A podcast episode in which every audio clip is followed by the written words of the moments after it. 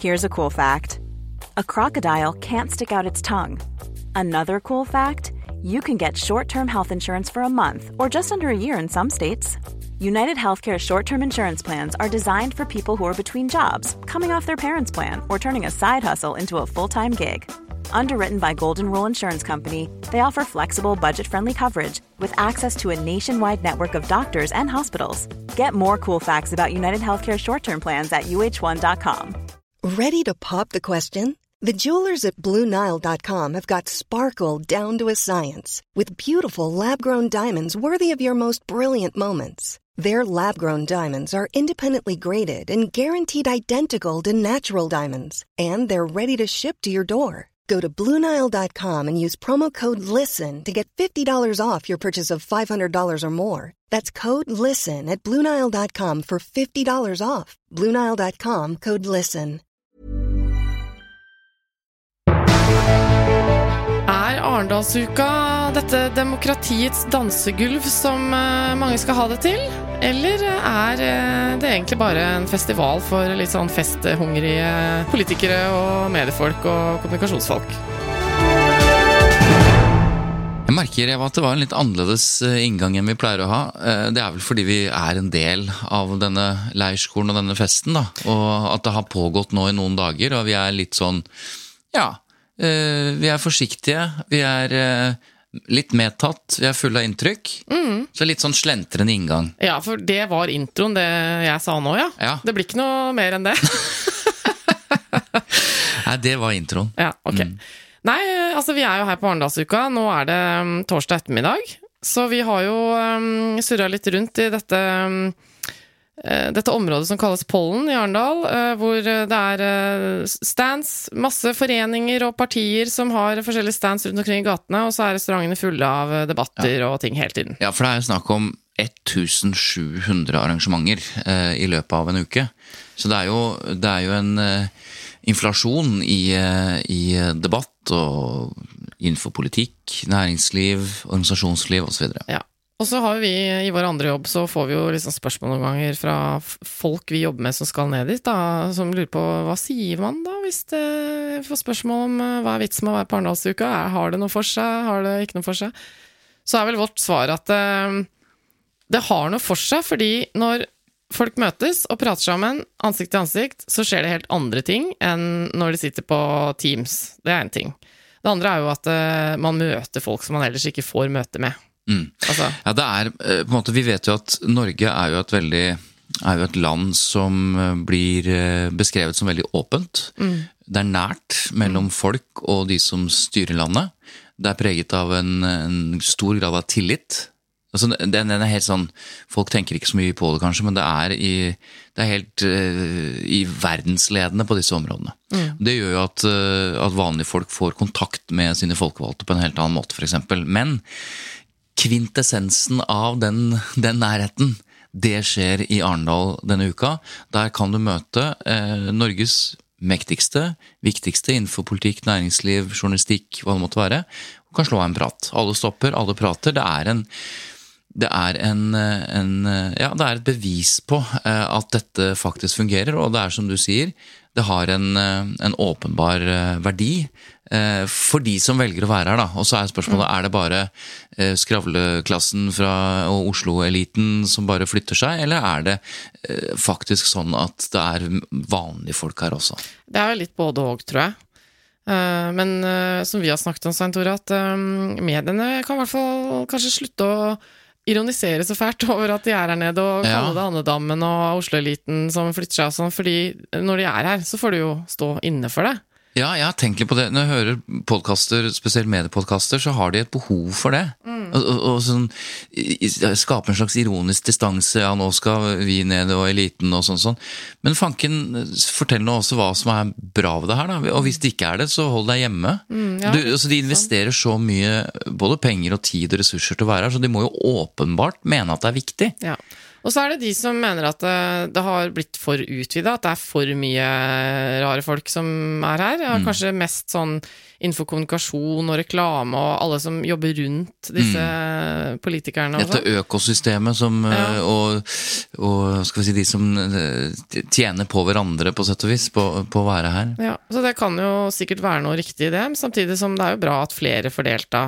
Så Mm. i utgangspunktet så er det jo eh, kanskje eneste som mangler, er litt mer vanlige eh, festivaldeltakere som går rundt her og kikker og hører på debatter, som Mm. ikke nødvendigvis er her på jobb, da.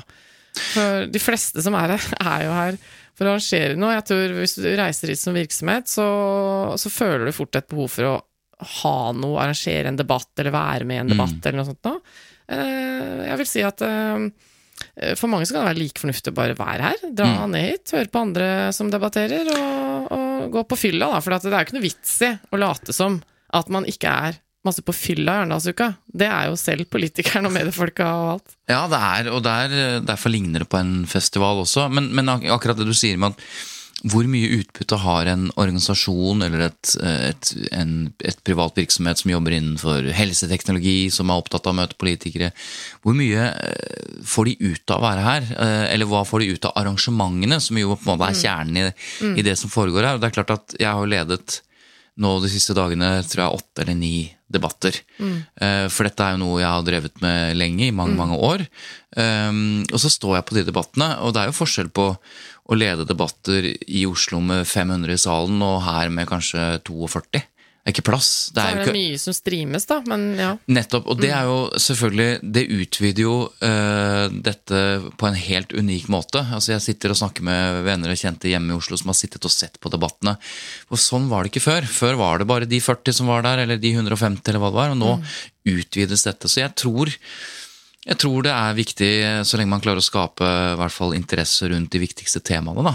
Eh, Jeg ledet en debatt for, for NHO eh, som handlet om nettopp helseteknologi og, og dette private og offentlige samarbeidet, som også er en ganske het politisk potet nå.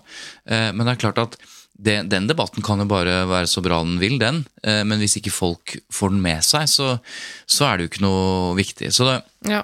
Men eh, Men vi, vi skal jo oppsummere. Ja. Den digitaliseringen, den streamingen, er jo en bra utvikling. Det åpner jo opp for flere til å følge med. Eh, Men når du snakker om debatt, Tore, så jeg har gjort, eh, gjort meg en tanke som har fulgt meg gjennom hele uka, og det er at eh, jeg er skikkelig lei av debatter hvor debattdeltakerne eh, sier at ja, den debatten må vi ta. Den samtalen må vi ha. eh, Den må vi ønske velkommen osv. Når det er sånn Og nå snakker jeg kanskje spesielt om de mediedebattene jeg har vært spesielt eh, rundt og fulgt med på, da. Men også generelt. Og da blir jeg sånn Ja, men nå sitter dere jo her i en debatt. Ta debatten, da! Ikke si at vi må ønske debatten velkommen. Det er jeg så lei av. Altså, når man kommer hit og bruker så mye ressurser på å samle seg for å diskutere viktige ting, så får du jo gjøre det, da. Og så er jo ikke dette en, en, eh, en eh, næringslivspodkast eller en politisk podkast. Dette handler jo om, som vi må minne oss selv om når vi blir engasjert i, i samfunnsdebatten for øvrig, at dette handler om hvordan journalistikken blir til. Eh, og vi er jo her fordi også journalistikken blir til her nede. Eh, det er eh, kanskje primært samfunnsjournalister og politiske journalister som er her, men de er det mange av. Så det blir til, men, men jeg tror ikke befolkningen eh, får speilet eh, dette store engasjementet i spaltene. fordi det er jo kanskje skal vi si heldigvis sånn at redaksjonene blir, går jo ikke helt Arendalsuka amok eh, på fronten på VG, liksom. Det er, det er ganske få av, eh, av liksom de aktuelle debattene som finner sin vei til spaltene nå. Men det vi merker når vi snakker med politiske journalister og politiske kommentatorer, at det legges jo veldig veldig mye grunnlag for journalistikk seinere. Altså, dette handler jo om den delen av journalistikken som handler om kilde. Eh, inne, eller altså, kildepleie eller å innhente informasjon, snakke med folk. Og der vil vi se at eh, selv om ikke de som hører på podkasten nå vil se det automatisk, så kan jeg love at det kommer veldig mye saker fremover som har sitt utspring i den samtalen og de, og det skjer på kvelden eller det skjer på mm. arrangementer, så skjer det veldig mye kontakt mellom journalister og kilder som kommer til å skape mye journalistikk fremover. Siden vårt fokus er eh, på mediene, så kan vi i hvert fall da informere våre lyttere om at eh, her nede har de store mediehusene vært her, eh, alle sammen. Mm. Med masse representanter, arrangert debatter og, og, og arrangementer, og debattert med hverandre og seg selv, holdt jeg på å si. Så mm, de har jobba mye her. Det har de. Det er mye bra program fra både Amedia, Skipsted og, og det hele tatt. Og noe av det NRK, TV 2, ja. Absolutt. Og noe av det første som skjedde her nede, eh, det var jo at Ytringsfrihetskommisjonen, Mm. som har jobbet eh, lenge, vet ikke, er det et, ett eller to år? I hvert fall To år. to år. Ja. De fikk utsatt eh, leveransen av den NOU-en litt, grann, fordi de ville vente på litt mer eh, eh, informasjon fra EUs arbeid med Digital Service eh, Act, tror jeg. Ja. Eh, Det, var noe, ja, det var en utsettelse. De vil se på litt mer ting. Så de har Men- gått utover sitt mandat, utenfor sitt mandat og gjort mer enn de ble bedt om, faktisk. Det har de, og den NOU-en, altså det heter NOU, for det heter Norsk offentlig utredning nummer 9 i 2022, heter En åpen og opplyst offentlig samtale, som er Ytringsfrihetskommisjonens utredning. Den ble da overlevert eh, mandag ettermiddag til kulturminister Anette Trettebergstuen her i Arendal. Ja, og hun var i fyr og flamme, og hun sa 140 ganger at hun gledet seg voldsomt til å ta debatten videre og se på dette arbeidet. Ha en eh, høringsrunde, sånn ja. som politikere selvfølgelig må ha, så alle får komme med sine meninger. absolutt. Eh, Fordi eh, det, da Kjersti Løken Stavrum, som da har vært leder for dette, denne kommisjonen, la frem highlights da fra arbeidet mm. i en presentasjon da på mandag, så, så avslørte hun jo, eh, og det var imponerende, fordi ingen hadde sett noe av dette før det ble overlevert. Pleier jo å være lekkasjer ofte og sånn fra den type arbeid. Men um, det var pottet tett, og eh, da avslørte hun at eh, de kom med 90, tror jeg, konkrete forslag til tiltak som kan gjøres for å, for å fortsette å jobbe med det hun understreket at er et veldig godt klima for ytringsfrihet i Ja. Dette landet vårt. Ja, for vi er gode i dette landet vårt på ytringsfrihet. Det, det er ikke noe er tvil om. Men det er jo et eget, eh, en egen, et eget kapittel, eller flere kapitler, som om, omhandler eh, de såkalte frie medier. Ja. Eh, og det er, eh, det er mange tiltak de foreslår også for mediene, så jeg tenker at våre lyttere kan være interessert i når man skal forstå hvordan journalistikken nå utvikler seg i et ytringsfrihetsperspektiv. Ja, for at i tillegg til det som vi nå skal fokusere mest på, som du sier, så har det selvfølgelig vært eh, anbefalte lovendringer, ikke sant. De er inne på mm, utredninger som de anbefaler, og reguleringer av plattformselskaper. Altså, de har forskjellige ideer til eh, om ytringsfrihet, eh, på samme måte som vi har hatt Den kulturelle skolesekken osv. Ja, Som handler om å utdanne befolkningen, eller barn og unge, i ytringsfrihet og viktigheten av det. Og de har kapitler om politiet, rettsvesenet, så de har jo tatt for seg ytringsfrihet i, i et eh, bredt perspektiv, men vi vil da fokusere mest på Ja. det som handler om mediene. Og det er til og med foreslått en endring eller en tilføyelse i selve Grunnloven, som omhandler altså Grunnlovens paragraf 100, altså der eh, ytringsfriheten er, eh, er eh, lovfestet. eh, og de foreslår en tilføyelse der også. Så det er jo, det er jo store og små endringer. Men eh, som du sier, vi er jo opptatt av, av mediene. Eh, og jeg tenkte jeg kunne bare gå kjapt gjennom noen av de eh, forslagene. Um, fordi de skriver at en uavhengig og kritisk presse er eh, blant de viktigste institusjoner i et demokratisk samfunn. Det er, sier jo alle mediene i sine egne festtaler. Og så er det sånn at kommisjonen kommer med flere anbefalinger for å styrke medienes funksjon, eh, og da både rettet mot, eh, mot myndighetene og mediene selv. Um, og Det første de skriver er at de skal sikre robuste støtteordninger som tilrettelegger for et mangfold av medier og meningsmangfold. Mm. og Der er det flere, flere punkter. og Det er jo i tråd med det også norske politikere har vært opptatt av, eh, enten det skjer gjennom pressestøtten eller på andre måter, å sikre at vi har en, en, en bred og mangfoldig eh, bukett av medier i Norge. Ja. Og så er det jo et forslag om å utrede behov for å endre organiseringa av NRK og NRK Sápmi. Og det er jo også et eh, språk som man kanskje kan bli litt sånn matt av når det gjelder NOU-er og sånn, at eh, det er jo behov for videre utredninger. Så det vil bli mer arbeid i etterkant av denne kommisjonens Ja. arbeid, da. Og så er det sånn helt konkrete ting som at de skal mener at man må arbeide for å sikre mer tilgang til gratis journalistikk i bibliotekene. Ja. Det er husker- jo allerede, altså De fleste bibliotek har jo alle aviser tilgjengelig og sånn. Det er jo litt sånn sjarmerende detalj eh, med Ja. bibliotekene. Og det er li, litt sånn for å sikre hele tiden Vi må ikke glemme at det må være gratis tilgang, på samme måte som det er gratis tilgang til bøker og kunst, så må det være det også til, til journalistikk.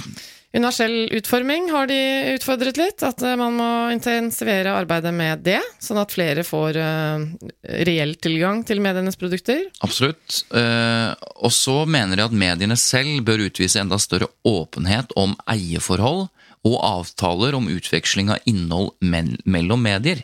Samt redaksjonell praksis.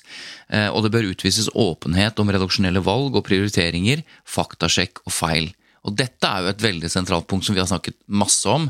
Både se på liksom, hvem er hvem i medielandskapet. Hvem eier hvem? Mm.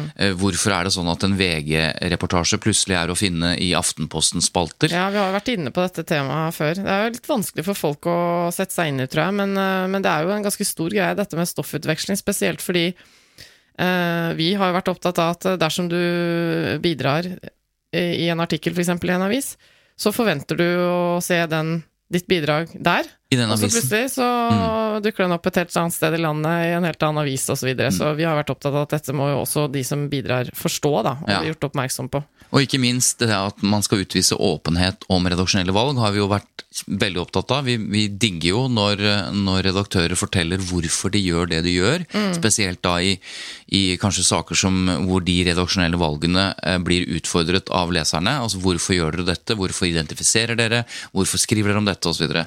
så det er også noe som Ytringsfrihetskommisjonen er veldig opptatt av at de skal fortsette å å innrømme feil. Ja, absolutt. Korrigere faktafeil osv. videre De er også opptatt av at mediene bør jobbe for, å, for en bredere representasjon av um, mennesker med funksjonsnedsettelser, og det, det var uh, egentlig et ganske viktig punkt i hele fremleggelsen av uh, dette arbeidet, at de har sett særskilt behov for å jobbe med ytringsfrihetsperspektivet til folk med Ja. funksjon, altså funksjonsnedsettelser. Da. Ja, og det gjelder også i, i mediene.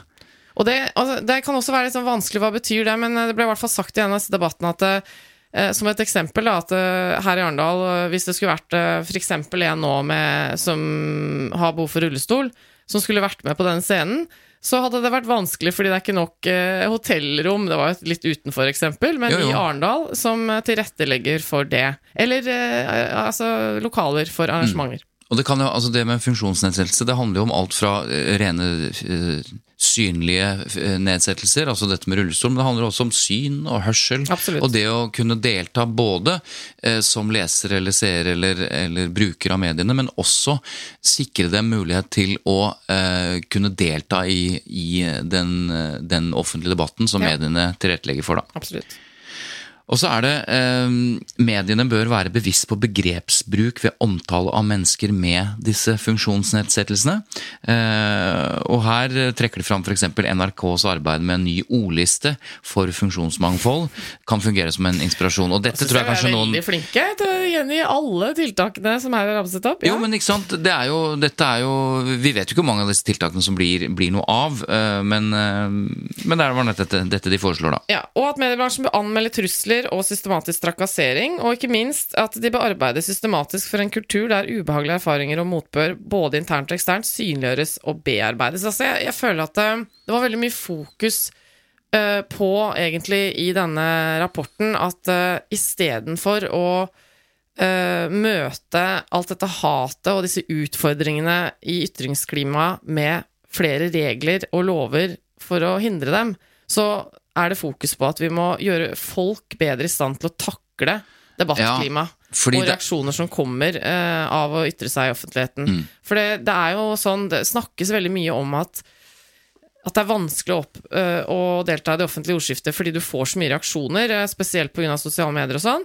Eh, Men løsninger er altså ikke å, gjøre det ulovlig å si ting, eller å, være slem. Ja, eller begrense andres ytringsfrihet fordi den er ubehagelig for deg. For dette er jo noe av motpolarbeidet i Ytringsfrihetskommisjonen, der det på den ene siden er opptatt av den som ble aktualisert ved angrepet på Salman Rushdie, denne forfatteren som, Ja. som skrev sataniske vers. Altså, det må være mulig å, å operere i ytterkantene av ytringsfriheten. Da ytringsfriheten er jo til for de meningene som er veldig veldig kontroversielle og ubehagelige. Samtidig som kommisjonen var også opptatt av at at det skal være trygt å ytre seg. At det, fordi Hvis det ikke er trygt, eller oppleves utrygt fordi man får vold og, eller trusler om vold og trakassering, så vil jo det senke ytringsfriheten eller, eller begrense ytringsfriheten hos mange.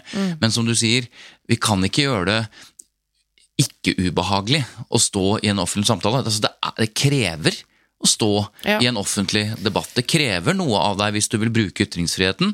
Det krever også at det er, uba altså, det er Ja. ubehagelig, kan være. da. Så det, dette med skolesekk om ytringsfrihet osv., det hadde jo fokus på nettopp det, disse tingene. ikke sant? At vi må gjøre barna våre i stand til å, til å takle det å få litt motbør hvis de, hvis de tør å mene noe. da. At det er kanskje viktigere.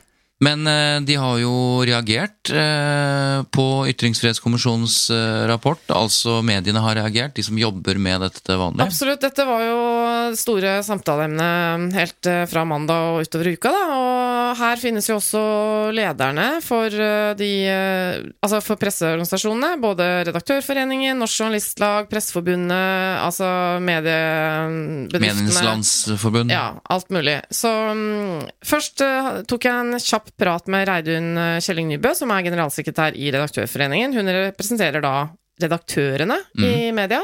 Har masse medlemmer, som da er eh, eh, skal man si, de øverste sjefene i de ulike mediene. Da. Det er de hun eh, representerer. Hørte litt med henne om hvilke reaksjoner hun hadde på rapporten som kom på mandag. Her er Reidun Kjelling Nybø. jeg, jeg, jeg har veldig sans for innretninga på hele, hvordan de har tenkt. Altså, ytringsfriheten i Norge er bedre enn sitt rykte. Det har vi ment lenge. Vi har ment at alt av dis- diskusjonen om ytringsfrihet har vært problem, altfor problemfokusert. Man kan ikke se på ytringsfriheten som et problem. Man må se på den som det det er. Det er et stort gode, det er en menneskerettighet. Og vi må lære oss å heie på ytringsfriheten og ikke rakke ned på den. Og det syns jeg Ytringsfrihetskommisjonen har klart, en, med, med litt sånn innestemme. På en veldig bra måte. Så jeg liker hele innretninga. Eh, Det ble nevnt eh, Eller de tok for seg ytringsfrihet på, på arbeidsplassen.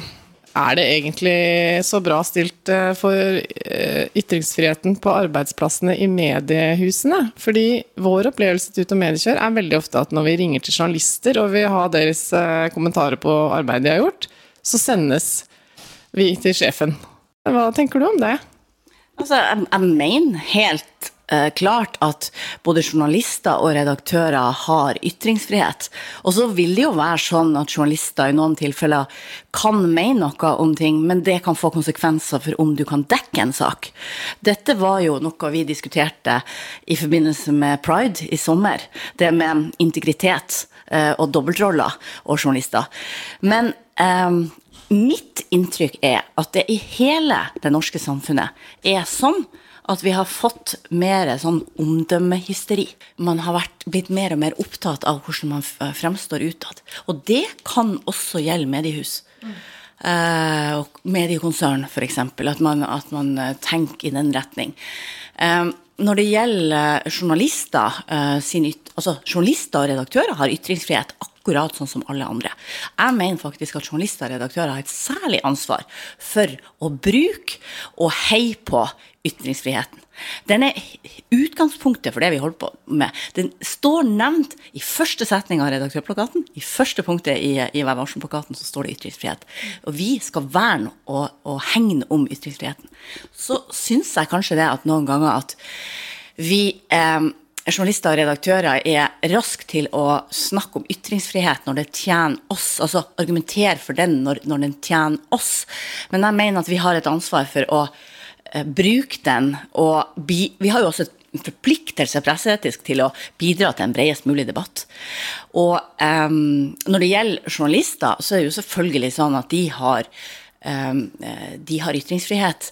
Men hvis de ytrer seg om saker som de kanskje kan komme til å dekke Altså, det de ytrer, kan få konsekvenser for hva de kan dekke journalistisk. Dette var oppe i sommer, da vi um, trakk fram det med, med hvorvidt man kunne delta aktivt på pride, og samtidig um, dekke det som journalistisk. Mm. I går så deltok du i en debatt eh, der dere snakket om eh, at redaktører kanskje med fordel kan være litt flinkere til å delta selv i, i, debatten. Det er jo ikke sånn at ikke mediene mm, kritiserer hverandre innimellom når det er store sakskompleks og sånn, men det er ikke så veldig mye åpen debatt og kritikk av hverandre, er det det? Hva, hva, hvor er tilstanden der eh, blant redaktørene som du representerer? Ja, Vi har jo 783 medlemmer, og der har vi jo meningsmaskiner som Trygve Hegnar og eh, Skjalg Fjellheim f.eks. Og de, ingen vil jo påstå at de ikke mener noe. Eh, og vi har, vi har eh, lokalavisredaktører som mener noe daglig, eh, og skriver ledere hver, hver eneste utgivelse.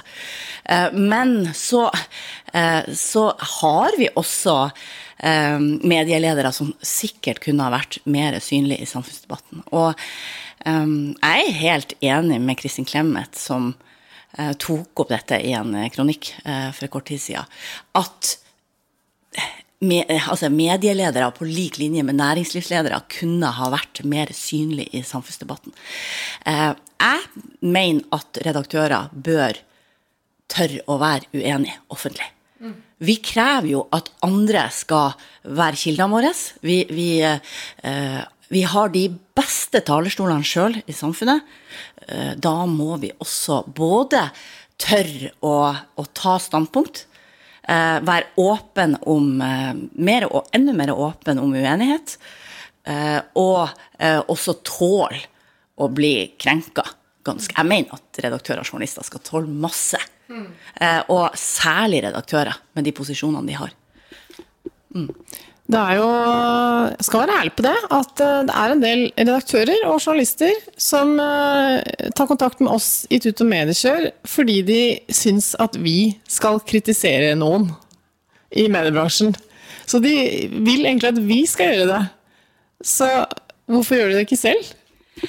Vet du, jeg, vi er jo en uh, Kanskje det er Altså, vi er, vi er ganske vi er, vi er, ikke en stor bransje, vet du. Det er ganske oversiktlig. Folk kjenner hverandre. Så det er nok litt sånn Det oppfattes eh, med det samme ubehaget som mange næringslivsledere og andre føler eh, når det gjelder å delta i, i debatten. Jeg syns det er interessant dette med at redaktører blir oppfordret til å stå eh, og delta i den offentlige debatten. og Dette har jo sitt utspring i eh, bl.a. at Kristin Clemet, eh, leder av tank, Tankesmien eh, Civita? Holdt jeg på å si Agenda, men det er, det er omvendt. Det er Civita. Ja. som er, eh, og, og, og tidligere Høyre-statsråd. Hun har jo eh, svarte på en kommentar fra Jon Olav Egeland, som er en sånn mangeårig kommentator i Dagbladet, hvor mm. han etterlyste at næringslivsledere og andre topper deltar oftere i den i, den, i, den samfunns, i samfunnsdebatten. da, mm. Hvorpå da Kristin Clemet sier ja, men hvor blir det av redaktørene? Ja. Og pekte spesielt på hans egen redaktør, nemlig sjefredaktør i eh, Dagbladet, Alexandra Beverfjord, mm. som hun mener er et eksempel på en totalt fraværende eh, redaktør. Mm. Eh, til tross for at hennes eget journalistiske prosjekt med Dagbladet får masse kritikk, mm. må vi ja, da kunne si. Krass, eh, faktisk. Men hvor Clemet. er eh, Alexandra Beverfjord i den debatten? Ja, Det kan vi for så vidt Eh, stille oss bak da, det utspillet der. For vi har jo også invitert Alexandra noen ganger når vi har følt et behov for å høre litt fra Dagbladet etter at vi har uh, hatt uh, vår kritikk. Mm. Men, også, også men helt Frode riktig. Hansen har jo andre redaktører i sitt kollegium da, som, ja. som stiller opp. Mm. Og så er det ikke helt riktig heller, fordi det, hvis du jobber i pressen og denne mediebobla, så, så, kommer det jo ofte innlegg fra Alexandra Beverfjord der hun redegjør for, mm. for Dagbladets syn osv. Svaret skriftlig. Svaret skriftlig. Jo, men det er jo Men det er ikke så så mye i den, den store offentlige debatten. Ja. Eh, og der var jo både eh, næringslivsledere for så vidt, og, og, eh, og redaktører eh, mer aktive i gamle dager. Altså de, Mm. de, de som vi nå ofte kaller av en eller annen grunn de legendariske gamle redaktørene. De får vel legendestatus da når de er daue, men, men de deltok også mye mer i den offentlige debatten. Ja. Nei, det er jo litt sånn som Reidun sa her, at da, vi har fått et sånn omdømmehysteri, eller hva han kalte det. Eh, og mente jo også at dette smitter over på medielederne. At jeg syns også det Jeg er egentlig ganske lei av etter denne uka å høre på folk som er så politisk korrekte. Og det er sånn politikerformuleringer, og de alle er så forsiktige. Mm. For det, det vi nå etterlyser når vi snakker om ytringsfrihet, er at flere folk skal tørre å si hva de mener. Altså, hoppe ut i det. Altså, Vi må ikke være så redde eh, for å mene noe fordi vi bare tenker på alle konsekvensene og all klagingen som kommer i ettertid. Da. Og Der syns jeg også at eh, medielederne kan utfordres litt. Absolutt. Men så jobber jo vi med kommunikasjon, da, så vi veit jo hvor vanskelig dette her er. Det blir jo krise med en gang de sier et eller annet som ikke hele bøtteballetten er enig i. Så Men så har vi spart et av de eh, punktene som Ytringsfrihetskommisjonen var veldig opptatt av når det gjaldt mediene. Ja. Og de peker på noe av den samme utfordringen eh, som vi har gjort mange ganger, og som vi har vært ganske ja, eh, tydelige på. Og det er dette eh, skal vi si, mangel på et klart skille mellom journalistikk og reklame. Altså content marketing. Og dette er jo veldig tydelig formulert i Vær varsom-plakaten. Det er ikke noe tvil om hva presseetikken sier om akkurat dette skillet. Du, jo, du har, det vel, eh, har det vel der? Ja, altså Det aller eh, viktigste punktet, da, 2.6 i varsom-plakaten, eh, sier som følger Svekk aldri det klare skillet mellom journalistikk og reklame. Det skal være åpenbart for publikum hva som er kommersielt innhold. Skillet skal være tydelig også ved lenking og andre koblinger. Avvis kommersielt innhold som kan forveksles med det enkelte mediums journalistiske presentasjon. Liksom. Legg merke til det. Det skal være åpenbart, Ja. og du skal avvise hvis det kan forveksles. Og hvis det, hvis det er noen medledere igjen som hører på, som med straight face kan si til meg og til oss og til Ytringsfrihetskommisjonen at det er alltid åpenbart, og at det aldri kan forveksles, da leser de pokker meg ikke sine egne medier, altså. Nei, altså Det som har vært eh, utfordringen her, er jo, syns jeg, at eh, jeg har jo sittet i Pressens faglige utvalg, og de som eh, kjenner meg fra det, kommenterer noen ganger at det var nesten litt komisk at du kom fra reklamebransjen og var den som snakket høyest og var mest irritert over denne eh, såkalte sammenblandingen da, mellom reklame og journalistikk. Eh, og det som, er, eh, det som er mitt største irritasjonspunkt, er egentlig det at det, det er en tekst som vi leste nå, som etter min mening er veldig klar på dette. Altså, det skal ikke blandes sammen, men i praksis så håndheves det ikke i så stor grad. Eh, og så er det noen som sier at ok, det er kanskje flere reaksjoner på dette enn det som faktisk ender opp eh, som saker i Pressens faglige utvalg. Og noe av forklaringen på det kan være at mediene er veldig flinke til å, til å ordne såkalt minnelig ordning, altså at de blir enige på bakrommet eh, i en fornuftig samtale, istedenfor å ende opp med en klagebehandling i PFU, som jo det oppfordres til.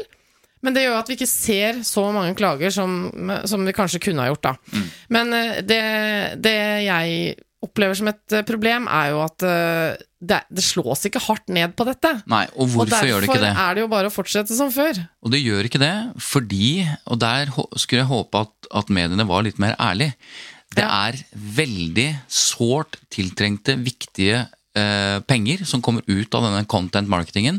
Eh, skulle man nå bare sagt at at det ikke var lov, da, det kommer man ikke til å si, men la oss slutt med det. Så hadde de måttet si opp masse mennesker. For dette er penger som de har gjort seg avhengig av. Så jeg har sympati med eh, liksom ønsket om å finansiere god journalistikk, og det er ikke noe tvil om at mange av de pengene som kommer som følge av at næringslivet er villig til å betale ganske mye for sånne content marketing, fordi det ligner på journalistikk, og dermed funker. Jeg skjønner at de trenger pengene. Ja, ja, ja. Men, men da jeg, kan vi ikke bare være enda mer ærlig på at det, vi har bevisst eh, lagt denne content marketingen så tett opp til journalistikk fordi det funker, og vi tjener penger på det. Men så sier kommisjonen veldig tydelig Det er i dag en reell fare for at reklame forveksles med redaksjonelt stoff. Bransjen bør derfor gjøre mer for å oppfylle intensjonen i Vær varsom-plakaten, som vi leste opp, for det er ikke noe tvil om hva Vær varsom-plakaten sier, men også sørge for at PFU behandler flere saker som angår forvekslingsfare, kommersielle interesser og bindinger. Mm. Og dette er jo eh, spesielt journalistene opptatt av. Kanskje ja. enda mer enn redaktørene. Ja, og en av de som, eh, som, tok tak i dette og fulgte opp det i debatten eh, dagen etterpå, da flere av, av de som bryr seg om medienes rolle i dette, deltok. Og da var Dag Idar Tryggestad, som er da Leder. leder for Norsk Journalistlag. Altså valgt leder som eh, den politiske ledelsen i Norsk Journalistlag. NJ. Og så uh, var, uh, tok jeg med meg han og Elin Floberghagen. Tok du den under armen? Jeg tok meg med meg han under armen. Satte han inn i en bil. Eh, kjørte opp til eh, tilholdsstedet til Elin Floberghagen her i Arendal, eh, som er da generalsekretæren i Presseforbundet, og som også da deltar i alle PFU-møter og er på en måte sjefen i den virksomheten. Mm. Um, og diskuterte litt om uh, hvordan de opplever denne rapporten. For alle er jo veldig glad for at det kommer en del punkter om mediene. Så mm. de snakket litt om det, og vi snakker litt om, uh, om dette som Dag Idar var veldig opptatt av, med skillet mellom reklame og journalistikk. Og et par andre ting som, eh, som, Elin forteller om planer de har eh, for tiltak fremover, da, som handler om spons og reklame. Og Det er altså lederen i Norsk Journalistlag, eh, Dag Idar Tryggestad, og det er generalsekretær i Presseforbundet, Elin Floberg Hagen. Ja, jeg eh, er ganske imponert, eh, må jeg si, over en eh, Jeg syns de har en veldig god beskrivelse av ytringsfrihetens kår i Norge. Jeg mener at de har en balansert tilnærming til det, og til de utfordringsområdene som vi faktisk har. Og de peker på i all hovedsak så er det kulturelle utfordringer. Og så kommer de med veldig mange gode forslag, både for mediene, og, og de gir noen utfordringer til mediene. Hvilke forslag eh, er det de kommer med til mediene? Nei, de, eh, Noen forslag er jo eh, Mange forslag vil jeg si, er knytta til økt åpenhet og innsyn. Altså tilgang til informasjon som en helt sentral del av ytringsfriheten. Får du ikke tilgang til informasjon, får du ikke fakta, får du ikke, så får du heller ikke gode, opplyste debatter. Og da kommer de jo med ganske mye, vil jeg si. De kommer med forslag som handler om å utvide merinnsynet. ikke sant? At man skal vurdere merinnsyn etter offentliglova. og at det blir en plikt i forvaltningen. De kommer med forslag om at det skal vurderes å utvide virkeområdet for offentlighetslova. Det har vi vært også veldig, veldig, veldig opptatt av i Presseforbundet. Eh, de kommer med tiltak for å få flere inn i e-innsyn, altså lettere tilgang i et eh, datasett til postlister i både statlige, fylkeskommunale og kommunal sektor. Der er veldig mange kommuner ikke med i dag. Eh, det vil gi folk flest, og pressen ikke minst, god tilgang. Og de kommer med masse rundt opplæring av embetsverket, endre kulturen i embetsverket. Og så er det noen ting vi savner på det feltet, og det er kanskje særlig, særlig to. Da. Det ene er at vi mener det er behov for at det innføres sanksjoner eh, når offentliglova brytes. Eh, og det er jo fordi rett og slett at en, en lov uten sanksjoner er ganske svak, og mm. den brytes ofte. Mm. Um, så vi mener det er et behov for sanksjoner uh, i form av bøter. Og det andre er at uh, vi savner nok noen flere forslag på kildevernsfeltet. Uh, altså, Det vi primært har bedt om der, er jo et etterforskningsforbud som da hindrer kildejakt på pressens kilder. Dag Idar, du representerer jo journalistene. Kommentarer til denne NOU-en, rapporten? Ja, Først vil jeg, som Elin, egentlig gi ros til komiteen for, for veldig mange gode forslag. Mm. Altså Det er 90 forslag. noe handler om lovendringer, noe handler om uh, ideer til uh, ting som bør utvikles i samarbeid med, også med mediebransjen. Og, og, og så er det noen konkrete uh, forslag som går, gir oss noen oppgaver. da. Men det vil liksom i forlengelsen av Elin nevner det med, med, innsyn og åpenhet. For det, det, er jo noe av det som våre medlemmer er veldig mye frustrasjon over. At de bruker veldig mye av sin arbeidstid til å kjempe mot tilgang til informasjon, og som de da til slutt kanskje også får. Slik at det at det blir en plikt til å vurdere meroffentlighet, det håper jeg blir eh, fulgt opp av, eh, av eh, statsråden.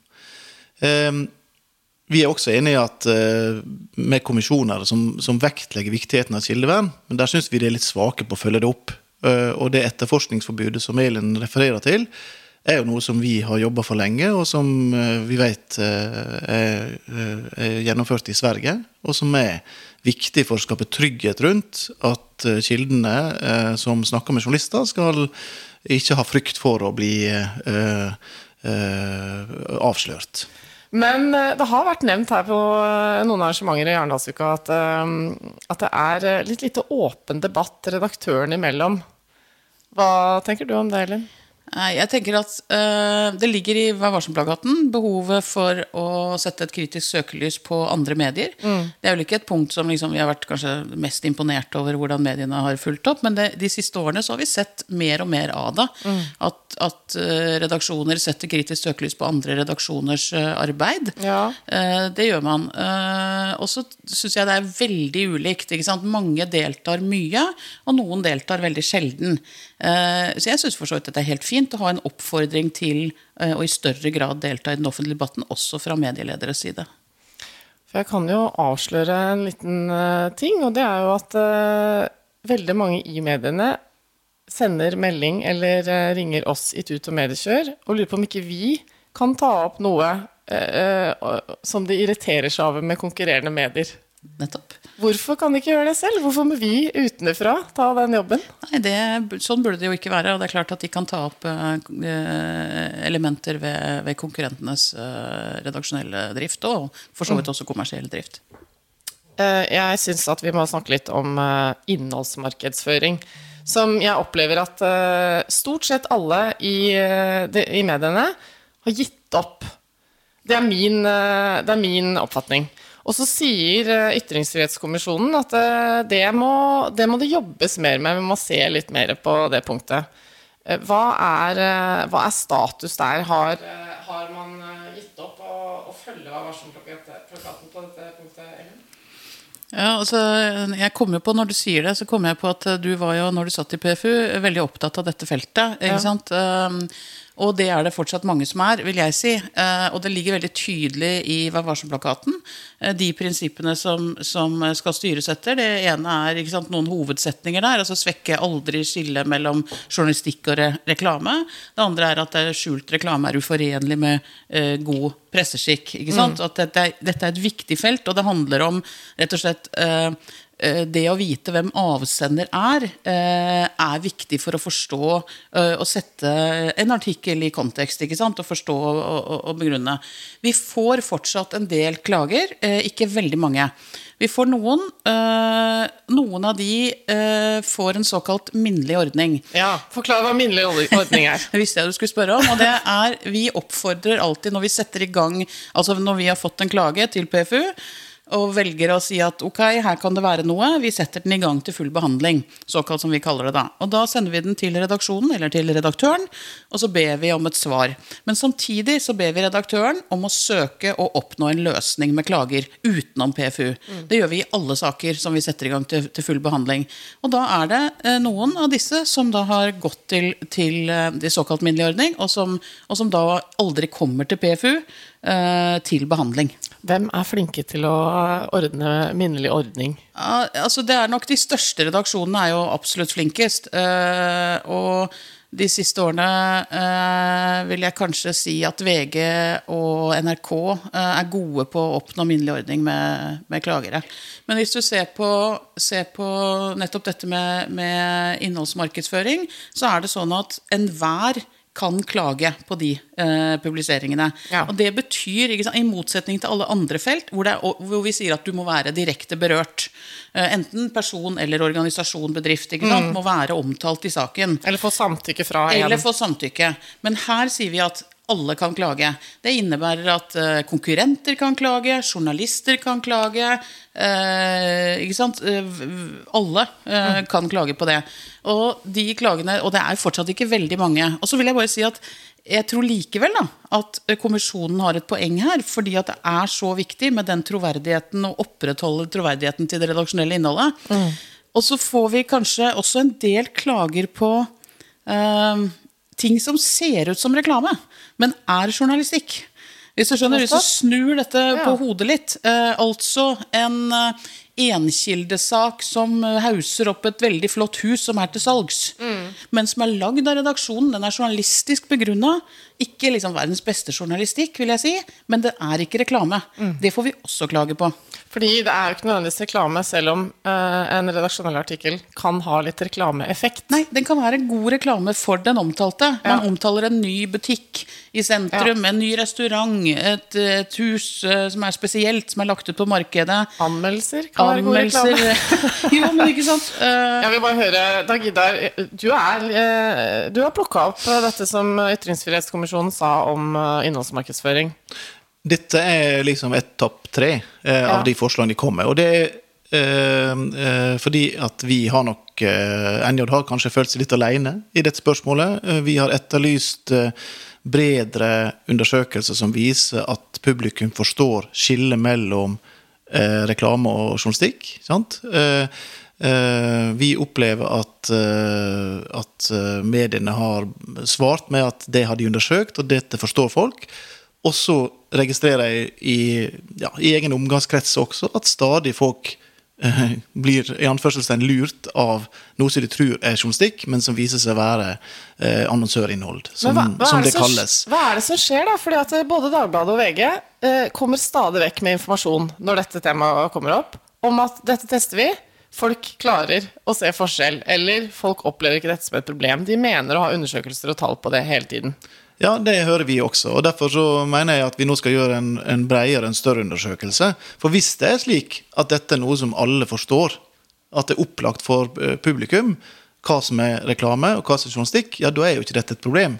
Men eh, som jeg sier, min erfaring, også fra omgangskrets og eh, til og med litt sånn journalister som kan si jeg er litt flau over at jeg liksom gikk på. Jeg trodde dette var en, en redaksjonell sak, og så viser det seg å være en, en, eh, en annons, eller et annonsørinnhold, som det ofte heter. da. Og litt av utfordringa er jo at eh, eh, mange av disse eh, dette annons, Mye av dette annonsørinnholdet er jo helt likt redaksjonelt innhold. Altså du kan Den ene dagen så kan et forsikringsselskap ha kjøpt en slik reklame der du skal si dette er de viktige tingene du bør huske på før du drar på ferie. Mm. Og så kan redaksjonen tre dager etterpå lage egentlig samme saken. Og det er Budskapet er det samme, da. Og, og eh, nå får vi en, en god anledning til å løfte denne diskusjonen fram igjen. Eh, og jeg mener at det ligger en forpliktelse i å følge opp dette punktet da, fra Ytringsfrihetskommisjonen.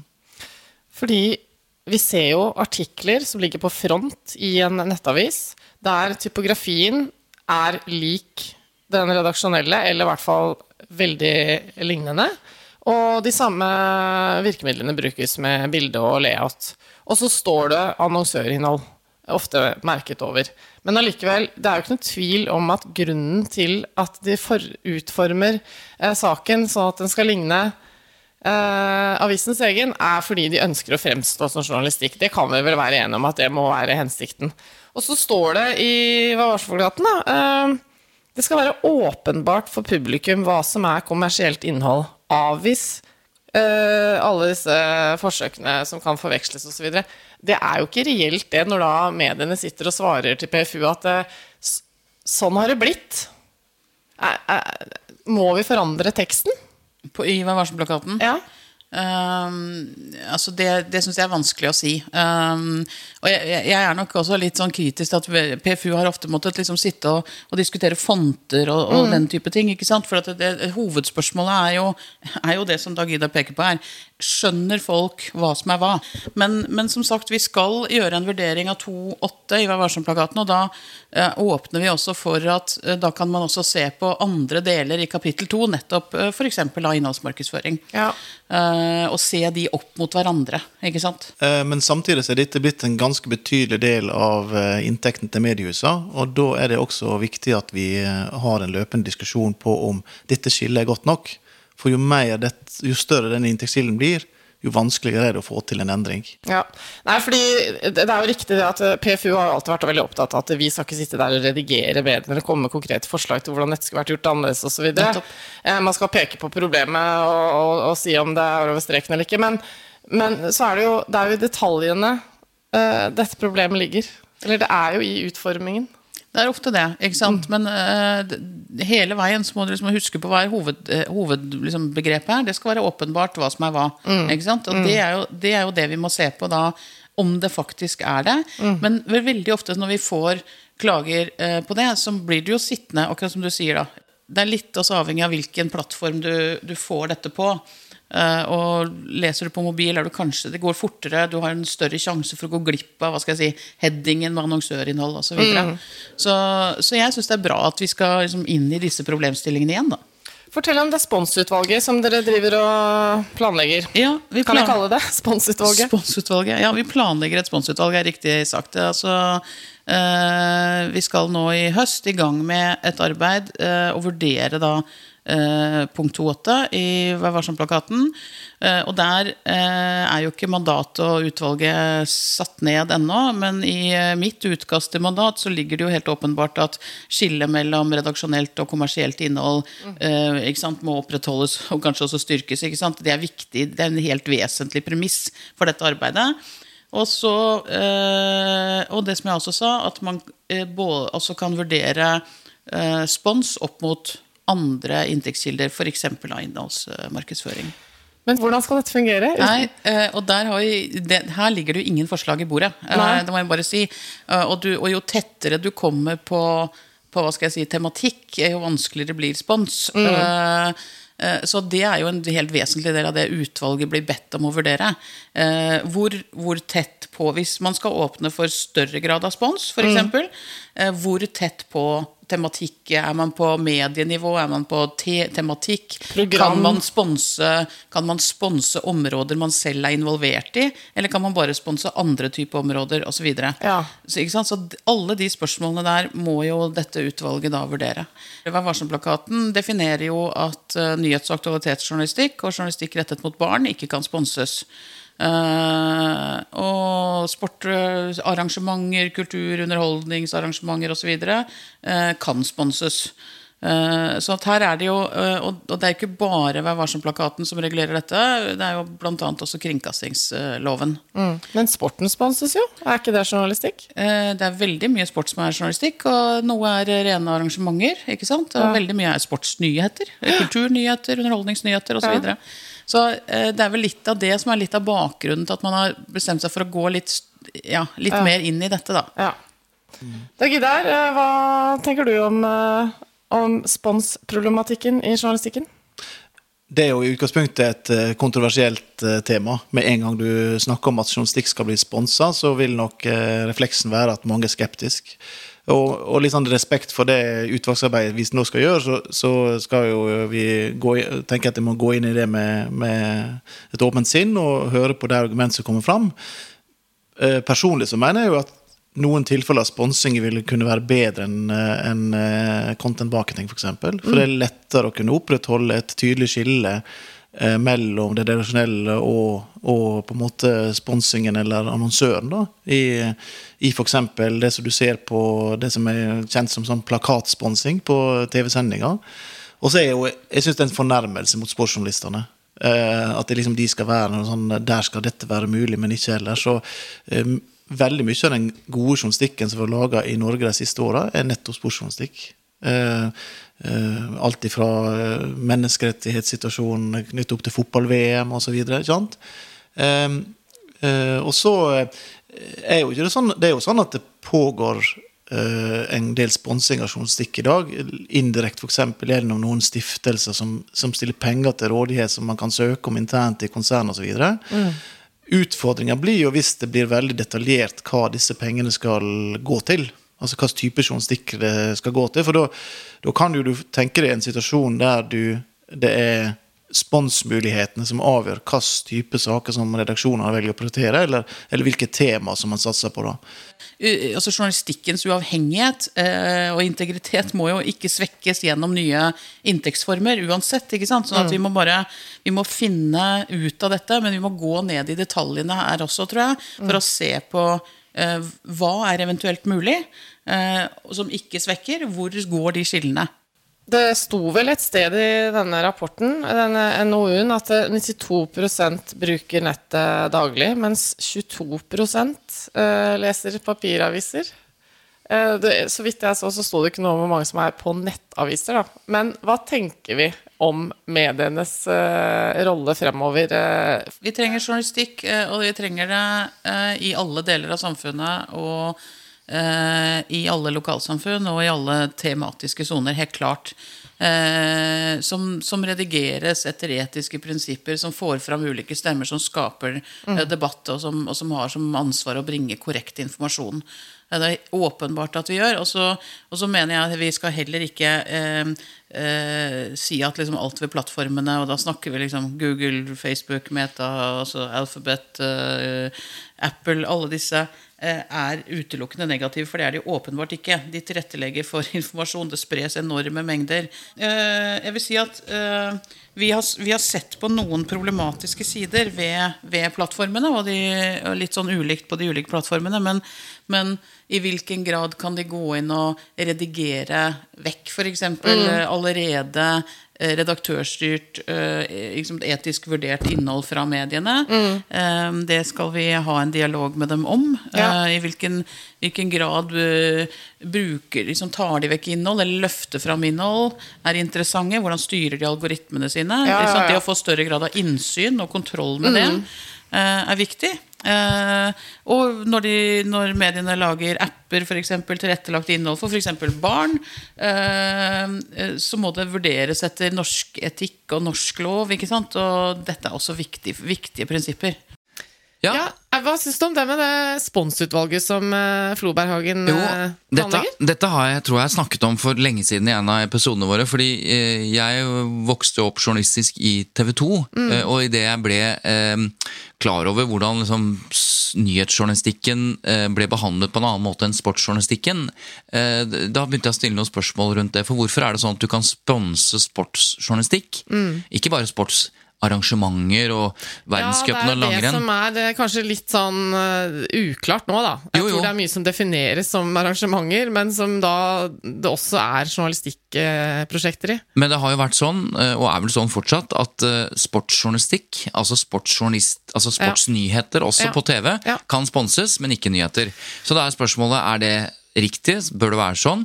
Og som vi er liksom inne på i denne, i denne diskusjonen her, da, skal andre ting kunne sponses også da, ja. innenfor rimelighetens grenser? Ja, for det er, jo, altså, det er jo en interessant tanke at noen som har mye penger, og som har den samme kjærligheten til redaktørstyrte medier som vi har, for så vidt, kunne bestemme seg for å gi eh, en god slant med penger eh, til en avis eller et mm. mediehus som de mener gjør en god jobb. Ja, Uten og, at det stilles noen krav til hvordan den journalistikken da skal Men være. Dette, da, må, dette må jo da utredes, som, mm. Eh, som Elin Floberghagen eh, sier. For det, eh, det, er jo mer komplisert enn som så. Det, det, går jo på tilliten løs hvis folk er usikre på om VG eller Dagbladet eller en eller annen avis skriver veldig mye om et tema fordi de tilfeldigvis har fått en god del penger fra jo, men Her opplever jeg tanken, hvis vi skal være helt konkret. Nå har det vært Øyafestivalen i Oslo for de som har gleden av å både nyte det fine været og den fantastiske musikken på denne eh, festivalen.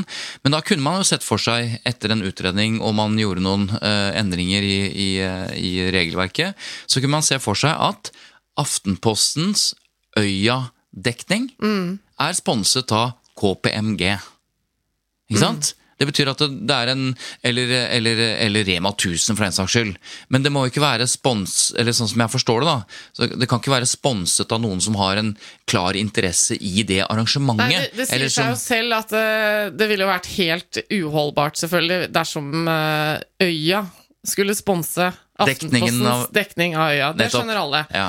Så det blir jo Hvor langt kan man strekke seg? Hvor, hvor frie er de pengene som eventuelt kommer inn gjennom et sponsprosjekt. Og da kan jo ikke heller eh, Universal, eh, plateselskapet, sponse eh, Aftenpostens dekning av musikkfestival, men et, et, et konsulentselskap eller et, eh, eller et eh, Kunne Olav Thons eh, stiftelse sponse noe? Kunne Ferd eh, putte penger inn i Ikke sant? Det er, det er mange lag her. Det trenger jo ikke å være en, eh, en eh, merkevare eller en eh, representant for en bransje. Altså, ja, det, men det er, Nei, men det er dette er vanskelig, fordi- og derfor så skjønner jeg at vi for- trenger en utredning her òg. For vi vet jo at det er flere store medier som øh, av ulike årsaker, også spesielt øh, Eller at det antageligvis også handler om, om, om penger og, og kapasitet, som valgte å ikke eh, være på Øyafestivalen. Det var veldig mange som savnet anmeldelser av noen av verdens beste artister. Eh, men hvis de hadde fått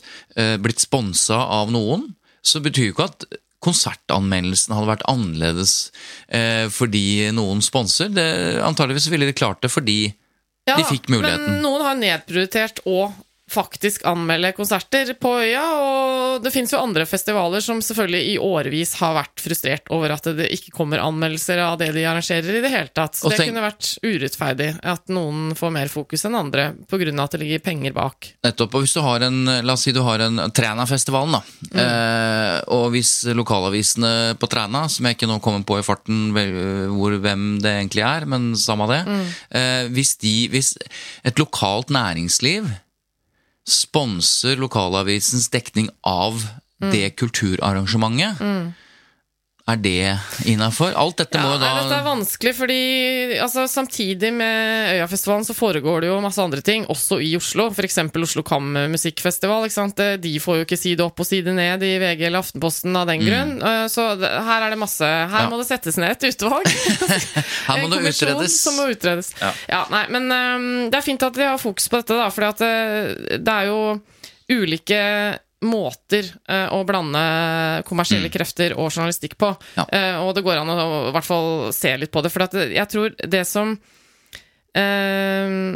det som er det viktigste, er jo at eh, dersom det er sånn nå at mediene trenger disse pengene som de får av det som vi kaller content marketing, innholdsmarkedsføring, så får de i hvert fall skrive om det punktet til slutt. Da, da må de komme til den slutninga at de må gjøre noe med teksten i varselplakaten. For det var jo det som var min frustrasjon da jeg satt i det utvalget og hadde sånne klager. At eh, altså, jeg kan mene hva jeg vil, ja, men det, det står en tekst her, og det er jo på en måte den, de paragrafene jeg skal gjøre mitt arbeid eh, basert på. Og da blir det jo veldig vanskelig. vanskelig. Hvis man Ja, men altså, dette vet vi at dette kan vi ikke slå ned på. Men foreløpig, enn så lenge, så sier flere redaktører at de har undersøkelser som viser at folk ikke tar feil eller Det forveksler osv. La oss se litt nærmere på de undersøkelsene. kan de ikke gjøre kritisk journalistikk på hverandres undersøkelser? Fordi det, det er jo Vi skal jo ikke skjule at eh, det er flere som kommer til oss og stusser litt over de og de tallene som kommer fra sånn og sånn. Dagbladet mener at klikk Altså, de har bevis og tall på at sånn og sånn. Så her må de gjøre en jobb med å mm, stille litt kritiske spørsmål til hverandre, tror jeg. Ja. Dette kan ikke vi stå aleine om å prøve å finne ut av. Eller? Ok, Nei, jeg tror ikke det. Egentlig burde det stått noe i Ytringsfrihetskommisjonens rapport om å Om spesielt støtte sånne uavhengige, pros- nei, sånne uavhengige prosjekter som prøver å gå mediene i sømmene. Det står en fotnote i, i rapporten, har Ja, du det sett det? det, gjør det det. Foreslår eh, 50 millioner kroner til utvikling av nye tut-konsepter. Ja. Eh, men vi må gå inn for landing, og da må vi eh, ta en lytterreaksjon. Ja. For det har ikke bare kommet én reaksjon på forrige ukes episode. Nei. Det har kommet en storm, altså seks eller sju, ja. på samme tema. ja for at, eh, vi har vært litt uh, unøyaktige, egentlig. intensjonen vår var god. Ja. For vi mener at uh, nynorsk, for eksempel, de som s- Og da sa vi det, da. Snakker nynorsk. Ja, sa vi det? Ja, det, jeg lurer på om vi, Det høres på tilbakemeldingen ut vi som vi har sagt det. Vi må ha ligget eh, under en stein eh, hvert fjerne, for eh, vi vet jo at nynorsk og bokmål er skriftspråk. Ja, Det er de to målformene vi har da i Norge, men, er, det, men folk snakker jo ikke nynorsk eller bokmål. De, de snakker dialekt, gjerne. Eh, så, men nå skal vi ikke rote oss bort i terminologien. la oss nå, ikke si noe som helst her nå. fordi nå, nå, har vi, nå vil jeg ta den mest grundige tilbakemeldingen vi fikk. Ja. Og dette er, eh, mine kjære lyttere, eh, her er det mye å lære. Ja, og Eh, fantastisk når vi får sånne rettesettelser. Ja, så dette er fra, og det tror jeg vi kan si, dette er fra Simon, eller Simon, da... Altså ikke klipperen vår. Nei, Nei. men Simon, og, og da må vi gjøre som han sier, det heter Simon Says, og han sier nå dette, Ja. og da må vi forholde oss til dette. Han sier følgende, sitat. Hei, nå surrar dykk fælt med språkterminologien, og jeg velger å da gjøre som han mener at ingen gjør, snakke nynorsk. Nå snakker jeg nynorsk, for han har skrevet dette, og da gjengir jeg det på nynorsk, Ja. sånn som poenget i forrige episode var, at det, syns vi er, greit. Prisverdig av deg, Tore. ok. Her er litt hjelp til neste gang de skal innom temaet. Målføre, kolon, det er dialekt. Vikværsk, døl, vefsmål, stavangersk er målføre. Altså dialekter. Nynorsk og bokmål er ikke det. Det er vi med på. Og så er det noe som heter sidemål, som vi som er bokmålsskrivende, tenker at der er sidemålet nynorsk. Men det kan være omvendt. Opplæringsform i skoleverket, det er sidemål. Elever har et hovedmål, enten nynorsk eller bokmål, som de får opplæring i fra første klasse av, og et sidemål, bokmål eller nynorsk, som de blir introdusert for litt etter litt gjennom barneskolen, og starter opplæring på ungdomsskolen. Så orda hovedmål og sidemål handla bare om den opplæringsforma, ikke selve språka, og det blir feil å bruke orda hvis saka ikke handler om undervisning. Og det er interessant. Så når du snakker om sidemål, så snakker du kun om opplæringsformen.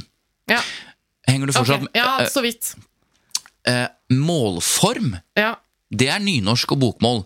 Og denne nemninga er på vei ut av lovverket etter innføring av språklova den 1. januar 2022. Hold ut nå, kjære lytter. Vi er snart i mål. Det er sjølsagt fremdeles fritt fram for å bruke det gamle ordet målform hvis en vil, men det er tydeligere og ryddigere å bruke ordet språk. Ja. Ok. Ja. Og så det siste. Altså, Jeg mener ikke å være utålmodig sånn egentlig. Det er viktig, dette her. Jeg bare Det var en lang mail. Jeg, jeg fortsetter. Ja. Mål, altså begrepet mål, det er språk. Og som han sier, korrekt brukt i episoden deres. ja. Ja. Uh, Da gjorde vi noe riktig, da. Sånn at uh, nynorsk og bokmål er altså skriftspråk, ikke talemål. Sånn at eh, det, dette er viktig at vi får eh, på plass, Ja. eh, og nå har lytterne fått anledning til å få det på plass også. Men det skal sies at det som var vårt hovedbudskap, nemlig det at kanskje det er fint da når det kommer en skriftlig altså uttalelse, Ja. en skriftlig pressemelding f.eks. På et av disse målene, Ja, språkene, det er riktig. Språkene. Ja. så, så mener vi at det kan gjengis eh, i sin originale form, da. Ja. Selv om eh, avisas hovedspråk da er eh, et annet. Og så må jeg bare legge til, han sier et slags Nå tror jeg jeg sa noe feil igjen i forhold til dette vi har lært nå. Eller? en parentes. Fra et språkvitenskapelig perspektiv er alle dialekter i Norge nynorske. Ja. Så all norsk tale er teknisk sett nynorsk, men det er en digresjon. Når jeg er litt sånn sliten form, eh, sånn som jeg er nå, så, så snakker jeg vanligvis enda breiere enn jeg ellers gjør. Breiere som i Som en i Groruddalens eh, altså Oslo øst-dialekt. Eller det er mer en sosiolekt, da. Ja. Men, eh, og det også ligner mer på nynorsk måte å skrive f.eks. verbbøyninger på. Det er en ting jeg har tenkt litt på. Ble dette veldig komplisert nå? Nei. Skal vi gi oss? Ja, vi skal gi oss. Det eh, regner ute. Det har det ikke gjort så mye av her, men nå regner det skikkelig ute. Ja, så nå, eh, nå skal vi gi oss, og vi skal eh, sette over til eh, Oslo. Det vil si, eh, vi skal, vi skal, vi skal selv til Oslo, så neste episode vil da antageligvis eh, ha sitt utspring eh, i vårt faste studio. Ja, og kanskje bli det blir litt mer artig, eh, hvis du skjønner hva jeg mener. Dette ble veldig ordentlig. Ja, men uh, vi, har en, uh, vi har noe på gang, og Ja. jeg vet ikke om det kommer neste uke eller uh, om litt, men eh, vi lager jo podkast Ja. om hvordan journalistikk blir til. Ja. Men en episode i nær framtid skal ikke handle om hvordan journalistikk blir til, men hvordan en journalist blir til. Ja. En av Norges aller mest kjente journalister, Kadafi Saman. Grunnen til at han ble journalist, er en fantastisk vakker historie. Du har hatt kildesamtale på byen i Arendal, det hører Ja, jeg nå. ja. Mm, Og den historien den skal vi få eksklusivt i Tut og Mediekjør, nettopp. eh, så det kan alle se fram til. Det blir gøy. Men eh, til en annen Simon, til vår klipper. Eh, håper du får noe ut av eh, vårt arbeid i Arendal.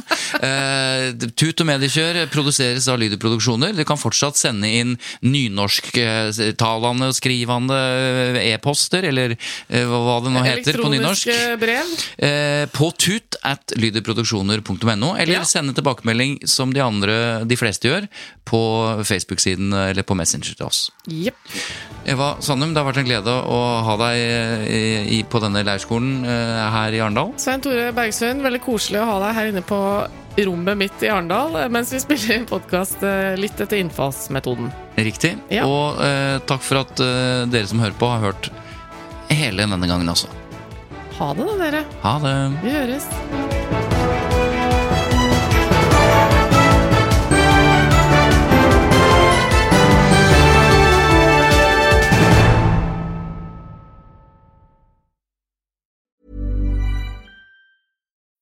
When you need mealtime inspiration, it's worth shopping Kroger, where you'll find over 30,000 mouthwatering choices that excite your inner foodie. And no matter what tasty choice you make, you'll enjoy our everyday low prices, plus extra ways to save, like digital coupons worth over $600 each week. You can also save up to $1 off per gallon at the pump with fuel points. More savings and more inspiring flavors make shopping Kroger worth it every time. Kroger, fresh for everyone. Fuel restrictions apply.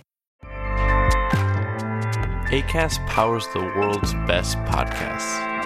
Here's a show that we recommend.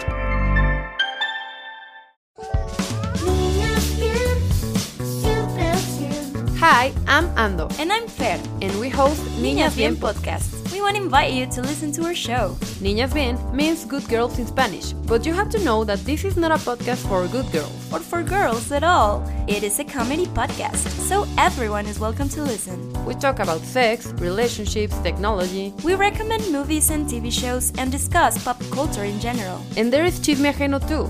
A section we have just to gossip about everyone. So you'll find something you like here. And you'll practice your Spanish. The cleanest Spanish you'll find, we promise. And if you already hablas español, Vamos a ser tus nuevas amigas. We'll be your friends for the non-Spanish speakers. New episodes every Monday and Thursday. Hosted by Acast and available to all audio platforms.